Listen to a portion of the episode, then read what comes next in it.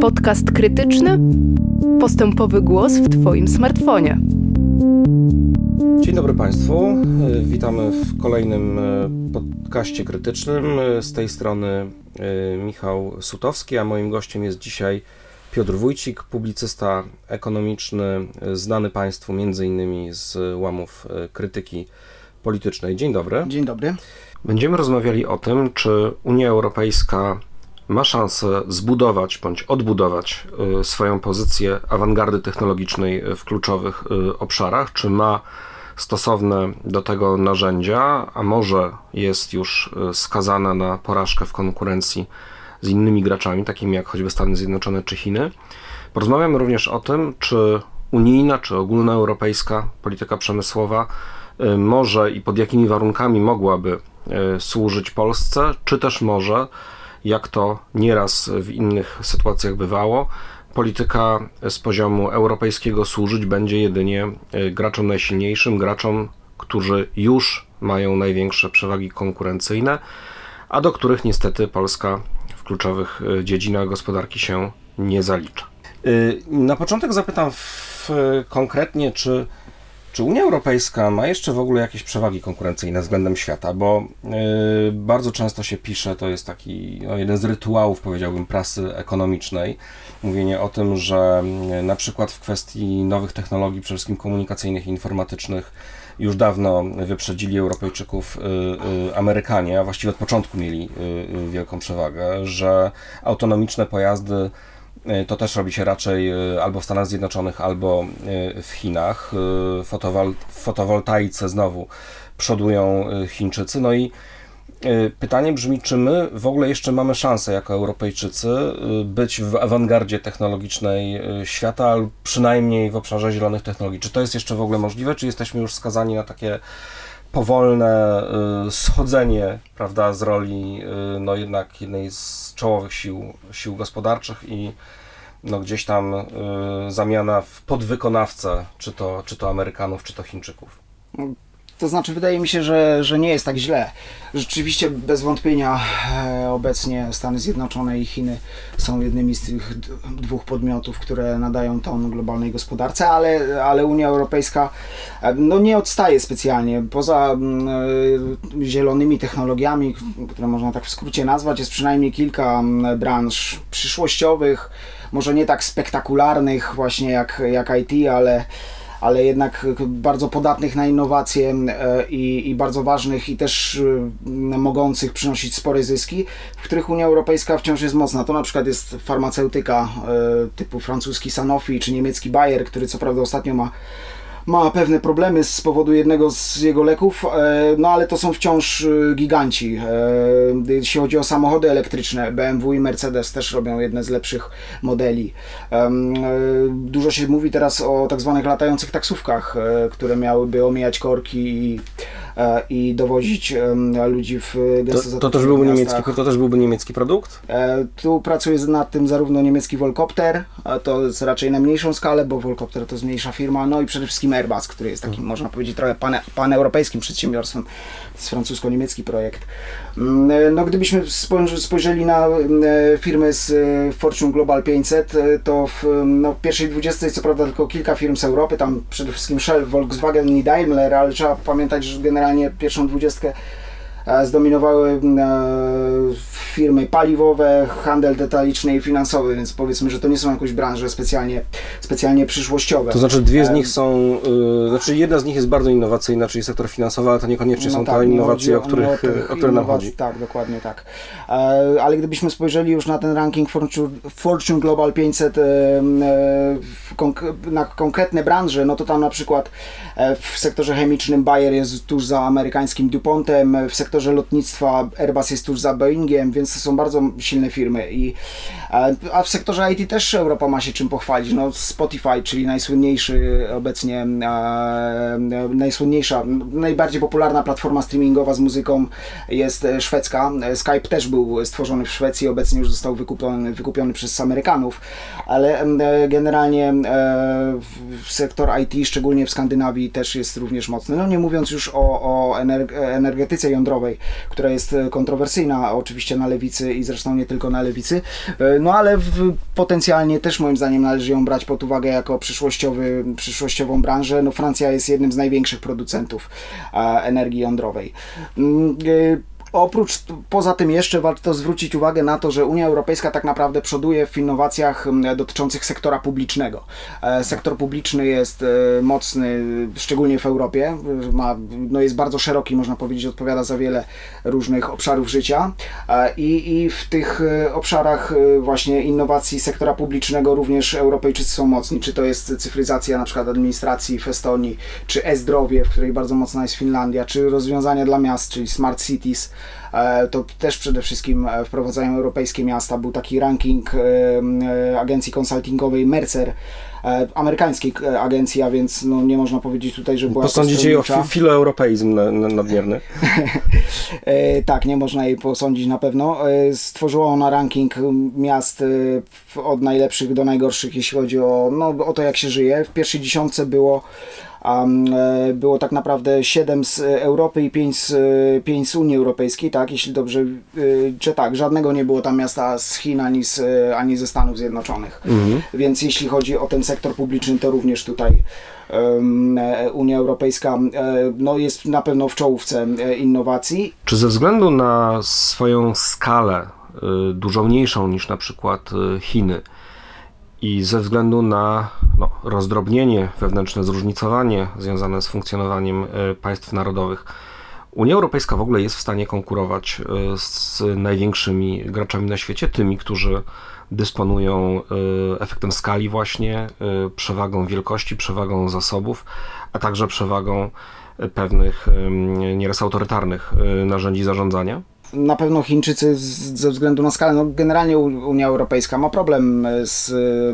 stworzeniem wielkich e, projektów, stworzeniem wielkich czempionów. No to wynika przede wszystkim ze specyfiki Unii Europejskiej. No, Unia Europejska nigdy nie, nie stworzy takich molochów jak Stany Zjednoczone czy Chiny, ponieważ no nie jest państwem, tylko jest organizacją międzynarodową złożoną z 20 teraz już, teraz jeszcze 8, a za niedługo 27, 27 krajów, więc każdy z, tych, każdy z tych krajów tak naprawdę posiada własną spółkę paliwową, nawet Słowacja ma Slovnaft, nawet handel detaliczny, który jest stosunkowo najprostszy do powiedzmy upowszechnienia czy uwspólnotowienia jest mocno rozdrobiony w, w, w Unii Europejskiej. No po prostu każdy z krajów chce, chce mieć e, własne firmy, które będą no, generowały wartość dodaną e, i generowały wpływy do budżetu, więc siłą rzeczy e, ciężko będzie konkurować z największymi, znaczy stworzyć powiedzmy firmy, które będą porównywalne do, do największych czempionów, czy to z USA, czy z Chin. No ale to wcale nie znaczy, że, że, że Unia Europejska jako całość nie może być właśnie w tej awangardzie, może się opierać po prostu na trochę innych, na trochę innym modelu biznesowym, na trochę mniejszych firmach, ale za to na sieci tych firm. Wiemy, że Unia Europejska ma kłopoty z upowszechnieniem y, zielonych, czystych czy odnawialnych źródeł energii. Y, zwrot energetyczny nie postępuje tak szybko, jak pewnie byśmy tego y, pragnęli czy oczekiwali. Nawet y, kraj prezentujący się zawsze jako awangarda ekologicznych przemian wciąż emituje ogromne ilości dwutlenku węgla, w tym z najbrudniejszej, czy jednej z najbrudniejszych technologii, jakie znamy, czyli z węgla brunatnego. Do tego należy dodać, że e, wiele technologii e, OZE e, napotyka różne bariery rozwojowe, przede wszystkim w obszarze magazynowania, przechowywania energii. Ale to, co mnie w tym momencie bardzo interesuje, to jest kwestia, czy nawet pomimo wolniejszego niż zakładano y, upowszechniania się użycia y, i korzystania z odnawialnych źródeł energii w Europie, czy Unia Europejska ma szansę zostać producentem y, tych technologii tak, aby w przyszłości wraz z postępowaniem zmiany klimatycznej z jednej strony, z drugiej wraz z jednak spodziewanym upowszechnianiem się technologii czystych czy odnawialnych y, mogła być y, częścią znowu awangardy technologicznej, a w wymiarze handlowym raczej producentem niż konsumentem tych technologii. No nie no, potencjalnie oczywiście, że może być. No dlaczego ma nie być? E, No bazę przemysłową Europa ma gigantyczną, więc tak naprawdę to w którym kierunku podąży, czy zostanie tą awangardą Czy krótko mówiąc będziemy używali to jest kwestia... fotowoltaiki turbin czy europejskich, prawda? I to, to, to, to jest jakby też to pytanie. Myślę, że ciekawe z punktu widzenia y, i, i, polityki klimatycznej i tego, jak w, w ramach y, zmian klimatycznych no, będą funkcjonowały nasze gospodarki, prawda? Bo na y, zwrocie energetycznym w skali globalnej, nie tylko w wymiarze niemieckim, no, można zarabiać, a można być y, no, odbiorcą, tak? Czy po prostu konsumentem tylko. No ale po, podajesz przykład tej fotowoltaiki, a to jest tylko jeden z, jedno ze źródeł OZE, tak? Jeśli chodzi o wiatraki, no to już Europa, e, z tego co wiem, przede wszystkim Duńczycy są, Tak. są w ścisłej czołówce, więc no nie ma żadnego, żadnych powodów, żeby akurat w Europie nie stosować e, europejskich wiatraków. Jasne. E, To jest kwestia tak naprawdę podejmowania dobrych decyzji, e, też na szczeblu politycznym, czyli wytyczania sobie celów, e, które, które po pierwsze będą realne, a po drugie wszyscy je będą chcieli osiągnąć.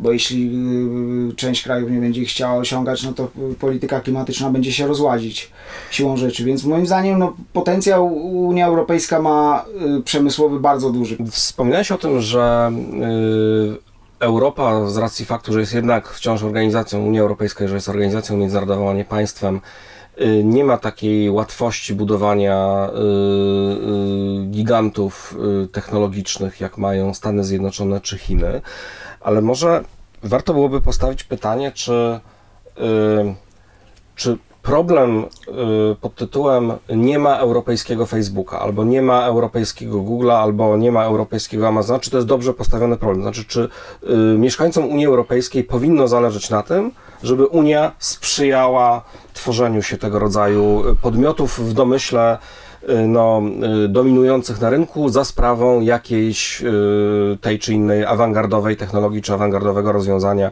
użytecznego dla, dla obywateli. Czy my w ogóle powinniśmy do tego dążyć? To znaczy, jeśli chodzi o y, spółki, które wymieniłeś, y, czyli Google, tam Facebook, Amazon, te najgłośniejsze tak naprawdę spółki obecnie światowe, no oczywiście jeszcze Apple, e, to z nimi jest taki problem, że y, one działają w sektorze IT, który rzeczywiście potrafi obecnie generować bardzo duże zyski, ale niekoniecznie te zyski się jakby rezonują na całe społeczeństwo. Niekoniecznie całe społeczeństwo osiąga z tego, e, z tego e, pewne korzyści. E, Przykładowo, jeśli chodzi o zatrudnienie, no to Facebook, y, czyli spółka do, jedna z tych absolutnie czołów, czołówki, jeśli chodzi o e, wycenę giełdową, bardzo duże też zyski, bodajże szósta na świecie pod względem zysków e, w zeszłym roku, e, zatrudnia 33 tysiące osób, no to jest jakieś 7 razy mniej niż Fiat. Włoski, często wyśmiewany i tak dalej, a, a, a zatrudnia 7 razy więcej osób niż, niż Facebook. Alphabet, czyli Google zatrudnia jakieś 70 tysięcy, Apple 130 tysięcy, no Peugeot, Citroën 200 kilkanaście tysięcy, a Volkswagen 650 tysięcy, więc niekoniecznie akurat y, musimy y, dbać o to, żeby, żeby y, mieć z tych czempionów w, w sektorze IT, ponieważ on no, gen- potrafi generować duże zyski, ale niekoniecznie te zyski przekładają się potem na dobrostan społeczny, na zatrudnienie. E, te firmy też nie są związane z jednym miejscem, no świat wirtualny jest globalny, często optymalizują podatki i potrafią się tak naprawdę wynieść w jednym, w jednym momencie e, na mocy jednej decyzji na- do innego państwa. Większość z nich rozlicza się chociażby w Irlandii.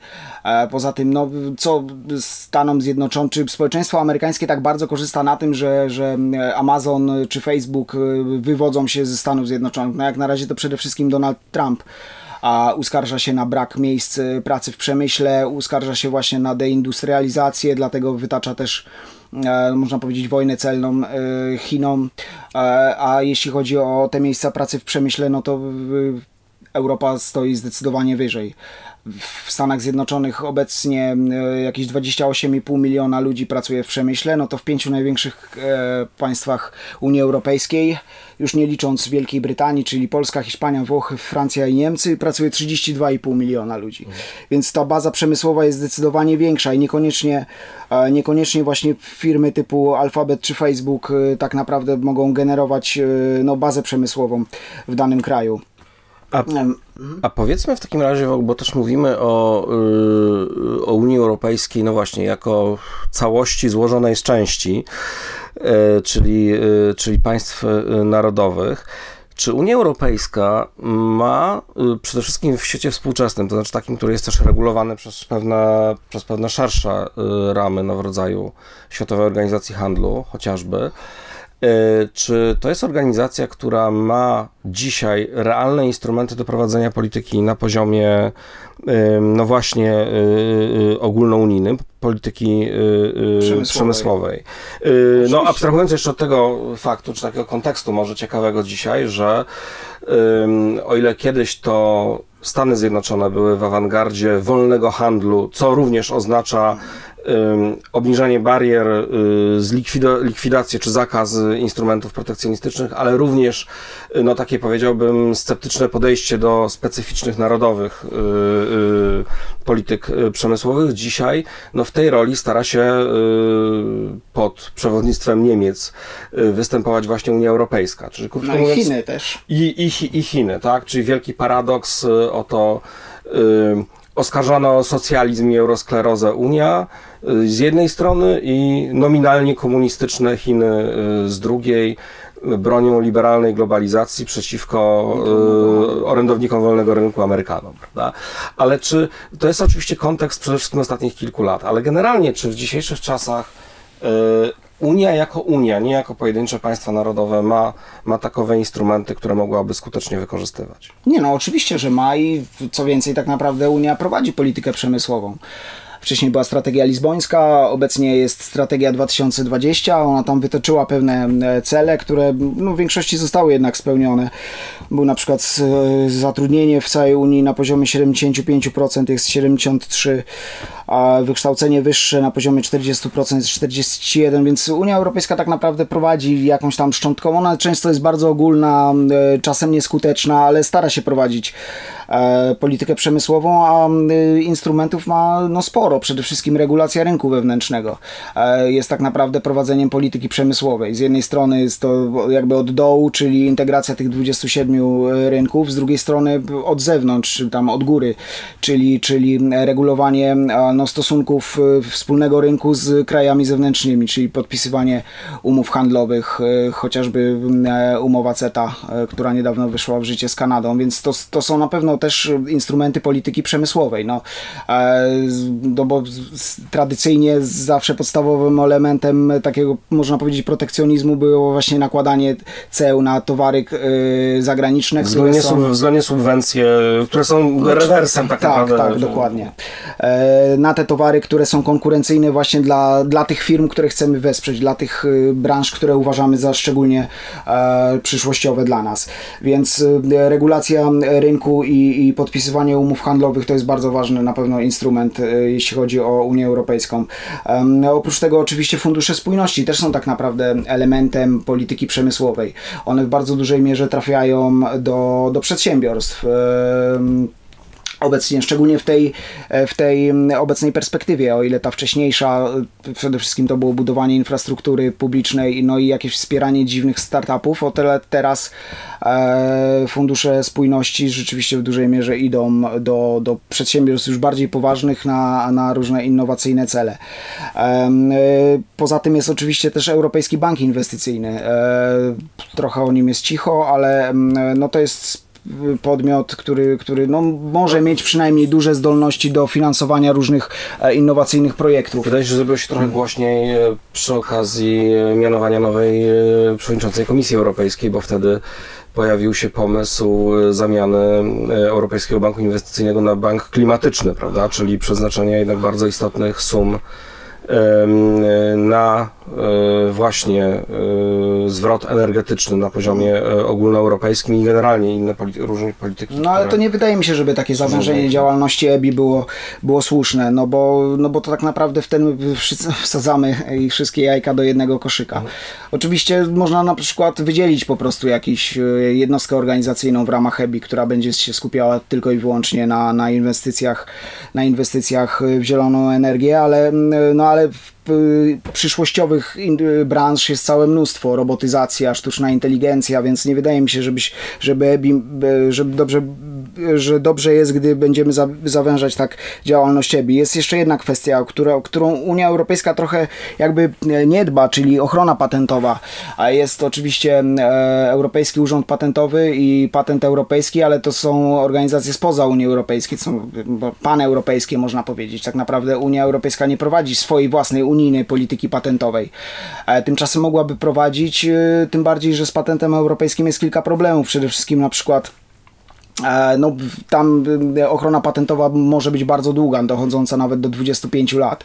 Unia Europejska mogłaby stworzyć jakiś konkurencyjny, może nawet nie tyle konkurencyjny, co komplementarny system patentowy, który byłby tylko dla krajów należących do Unii Europejskiej e, dużo bardziej liberalny. Czyli rozumiem, że, skróciłby... rozumiem, że bardzo długi patent oznacza, że bardzo wiele technologii, no choć przy, przynoszą bardzo duży zysk monopoliście, tak. czyli temu, który jest w awangardzie, natomiast bardzo wolno się rozprzestrzeniają, bo tak. inne Oczywiście są dwie szkoły. No, jedna, jedna twierdzi, że lepiej, gdy patenty są e, długie i bardzo silnie chronione, bo wtedy spółki mają większe, większą motywację do, do inwestowania w badania i rozwój. Druga szkoła mówi wręcz przeciwnie, że, że patenty powinny być, prawo patentowe powinno być w miarę liberalne, ochrona patentowa w miarę krótka, bo wtedy dzięki temu nowoczesne technologie szybciej się rozchodzą i mogą być podejmowane przez firmy, które być może zaczną realizować to sprawniej, taniej i i tak dalej. Więc wydaje mi się, że tutaj y, też mogłaby zadziałać y, Unia Europejska właśnie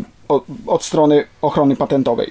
A to powiedzmy jeszcze y, o takiej kwestii jak narodowe interesy w ramach polityki unijnej, bo taki powiedziałbym najbardziej sceptyczny wobec rozmaitych polityk unijnych dyskurs głosi, że tak naprawdę te polityki, które są prowadzone ze szczebla y, y, Komisji Europejskiej, czy w ogóle na poziomie rozwiązań y, ogólnounijnych, to są zazwyczaj polityki, które są emanacją interesów poszczególnych krajów, które wcale to interesy nie muszą być ze sobą zbieżne. Wszystkich krajów no, członkowskich. No i wtedy no i wtedy oczywiście zyskują ci najsilniejsi, w domyśle Niemcy, ewentualnie uzupełnieni o jakieś kraje mniej y, istotne politycznie, ale wpływowe gospodarczo w rodzaju na przykład y, Holandii czy, czy krajów y, skandynawskich. I czy czy faktycznie jest tak, że na unijnej polityce przemysłowej takiej, jaka jest, to na końcu i tak wygrywają Niemcy, jak w znanym powiedzeniu Garego Linekera o piłce nożnej, czy, czy może niekoniecznie? Czy, yy, I czy jest możliwość, żeby na polityce unijnej zyskiwała Polska, to znaczy, żeby zyskiwały podmioty, y, które y, produkują, w tym wytwarzają nowe technologie na naszym terytorium, tu odprowadzają podatki, tu zatrudniają y, badaczy, zatrudniają pracowników. Znaczy, obecnie, oczywiście w obecnych warunkach w tym modelu politycznym, który przyjęła Unia Europejska i który najprawdopodobniej utrzyma się przynajmniej przez e, najbliższą kadencję Parlamentu Europejskiego. No, jedynym możliwym e, sposobem prowadzenia polityki przemysłowej jest równoczesne polityka przemysłowa równoczesna Unii Europejskiej i, i krajów członkowskich. Unia Europejska powinna stworzyć ogólne zasady i ogólne instrumenty, które, które będą e, które będą zgodne mniej więcej przynajmniej z, z e, interesami poszczególnych e, państw członkowskich, no a już za wdrażanie i ewentualne szczegóły muszą być odpowiedzialne rządy, rządy krajowe. Wydaje mi się, że jest przynajmniej kilka takich ogólnych założeń, e, które połączyłyby w kraje, e, wszystkie kraje członkowskie, gdyż one są w wielu miejscach, w wielu miejscach e, podobne. Chociażby skierowanie, skierowanie po, pomocy przede wszystkim do do dużych lub, lub może nawet już średnich firm. Czyli najlepiej powyżej 250 pracowników, ale nie właśnie gigantów, nie, nie tych korporacji, czyli e, do takich e, typowych spółek ZO, których, e, których w Niemczech jest kilkanaście tysięcy na przykład. W Polsce jest również mnóstwo takich firm. Generalnie model europejski jest w dużej mierze oparty wcale nie o te mikro i małe przedsiębiorstwa, tylko właśnie o dużą sieć średnich i dużych przedsiębiorstw. We wcześniejszej perspektywie sporo, sporo środków szło właśnie na różne dziwne startupy i tak dalej. Wydaje mi się, że, że akurat inwestowanie inwestowanie w startupy środków publicznych jest zupełnie bezcelowe, ale Unia Europejska Dlaczego mogłaby jest bezcelowe? Ponieważ w zdecydowanej większości to jest niestety wyrzucanie pieniędzy po prostu w błoto. Zwraca się bardzo, bardzo y, mała część, no a jest grupa funduszy, to są fundusze venture capital, które chętnie e, inwestują w startupy, więc Unia Europejska mogłaby też stworzyć paneuropejski system, e, taką platformę łączącą e, inwestorów e, z, z, z venture capital z przedsiębiorstwami, z startupami. Tak zrobił Izrael, czyli fundusze JOZMA. Tak naprawdę to była właśnie platforma łącząca inwestorów z przedsiębiorstwami, ewentualnie z jakąś tam dopłatą, bonusem typu 10% nakładów inwestycyjnych. No, oprócz tego właśnie e, też e, e, celem, który połączyłby wszystkie państwa, moim zdaniem, byłoby również właśnie wsparcie dla innowacji sektora publicznego, czyli cyfryzacji administracji, e-zdrowia. Na tym skorzystałyby w bardzo dużej mierze e, kraje, e, kraje takie jak Polska, e, ale tak naprawdę skorzystałyby na tym wszystkie kraje Unii Europejskiej, bo w każdym sektor publiczny jest w miarę szeroki. Tak, w- kraj, który najbardziej liberalny, tak naprawdę z najbardziej liberalnym modelu właśnie z Unii wychodzi. Więc Wielka Brytania ewentualnie mogłaby na tym najmniej skorzystać, ale, ale no niestety sama się, sama się wyautowała. Wydaje mi się, że też Unia Europejska mogłaby stworzyć e, paneuropejską taką instytucję badawczą, złożoną z naukowców reprezentujących poszczególne kraje, e, która by po prostu opracowywała patenty, opracowywała różne, e, różne e, pomysły technologiczne i potem bezpłatnie tak naprawdę, moim zdaniem najlepiej by było, bezpłatnie udostępniałaby te patenty firmom z Unii Europejskiej. To dopytam na koniec, e, jak to zrobić, żeby w ramach polityki ogólnoeuropejskiej no nie obowiązywała ta reguła świętego Mateusza, prawda, że bogatemu będzie dodane, a, a ubogiemu odebrane, bo jak wiemy przy, e, przede wszystkim przy tworzeniu innowacji, e, no bardzo istotne znaczenie ma ten taki punkt wyjścia, to znaczy to jaka jest luka technologiczna, i to, y, czy firmy z poszczególnych krajów no, mają jakieś takie na wstępie zasoby, prawda, i ludzkie, i technologiczne, i, i pamięć swoją instytucjonalną, i tradycję, i doświadczenie, y, y, po to, żeby móc te, y, te fundusze, czy te środki, czy te różne, czy nawet już gotowe innowacje technologiczne absorbować. No, nie przypadkiem Polska, czy polskie, polskie rządy od wielu lat podnoszą ten, ten problem na arenie europejskiej, że fundusze spójnościowe, te tradycyjne, takie, za które budujemy umownie drogi, mosty i akwaparki, yy, absorbujemy bardzo dobrze. Znaczy, można dyskutować nad racjonalnością tych wydatków, ale co do zasady nie mamy problemu z wydatkowaniem tych środków. Potrafimy to robić. Yy, W przypadku środków unijnych przeznaczonych na badanie i rozwój, na przykład, tu już jest dużo, dużo gorzej. Czy ten sam problem jakby nie zachodzi również przy, Europej, przy, przy, przy tych różnych europejskich pomysłach poza, poza samymi funduszami na, na politykę przemysłową. Znaczy, krótko mówiąc, czy nie jest tak, że y, startując z niskiego poziomu, na przykład mając niskie nakłady krajowe na badania i rozwój, będzie nam bardzo trudno y, uczestniczyć y, w sposób taki udany i korzystny w tych, w tych politykach, czy, czy, czy, czy po prostu czerpać z nich profity. No, bez wątpienia y, kraje, które są wyżej rozwinięte technologicznie, mają y, dużo łatwiejszą absorpcję środków y, na innowacje i generalnie rozwiązań technologicznych. Przykładowo, właśnie gdyby została stworzona ta instytucja badawczo-naukowa i miałaby ona udostępniać patenty firmom, no to nie mogłoby się odbywać tak naprawdę na zasadzie zwykłych konkursów, bo te konkursy wygrywałyby głównie firmy niemieckie i francuskie, które no rzeczywiście dawałyby po prostu największy potencjał, obiektywnie dawałyby największy potencjał e, rozwijania danej technologii. Dlatego y, ja osobiście uważam, że one powinny być udostępniane, te technologie w jakiś sposób bezpłatnie. Oczywiście, Czy jakaś forma open source, można powiedzieć, tak? tak. E, Po drugie, no oczywiście musiała być, być można powiedzieć, jakaś akcja afirmacyjna e, wobec, prowadzona wobec e, tych słabszych krajów. Ona tak naprawdę jest prowadzona, bo to się da zrobić. Unia Europejska ma doświadczenie, no przecież fundusze spójności są, e, są e, rozdzielane właśnie według różnych kryteriów, w, na których tych kryteriach jakby kraje słabsze są pompowane, prawda? Dzięki temu dostają więcej pieniędzy. Wydaje mi się, że dałoby się stworzyć różne kryteria, różne parytety narodowe też, yy, na mocy których te środki byłyby rozdzielane nie tylko pod względem takim typowo efektywnościowym, ale też yy, właśnie dosyć egalitarnie, jeśli chodzi o terytorium i, i, i, no i yy, korzystnie dla krajów mniej rozwiniętych. Okej, dziękuję bardzo. Rozmawialiśmy o unijnej polityce przemysłowej, europejskiej polityce przemysłowej, o tym, czy Polska może y, na niej y, skorzystać. Moim gościem był y, Piotr Wójcik, publicysta ekonomiczny, niezależny, ale znany Państwu zapewne z łamów krytyki politycznej i nie tylko. Dziękuję bardzo i zapraszam na kolejne podcasty krytyczne.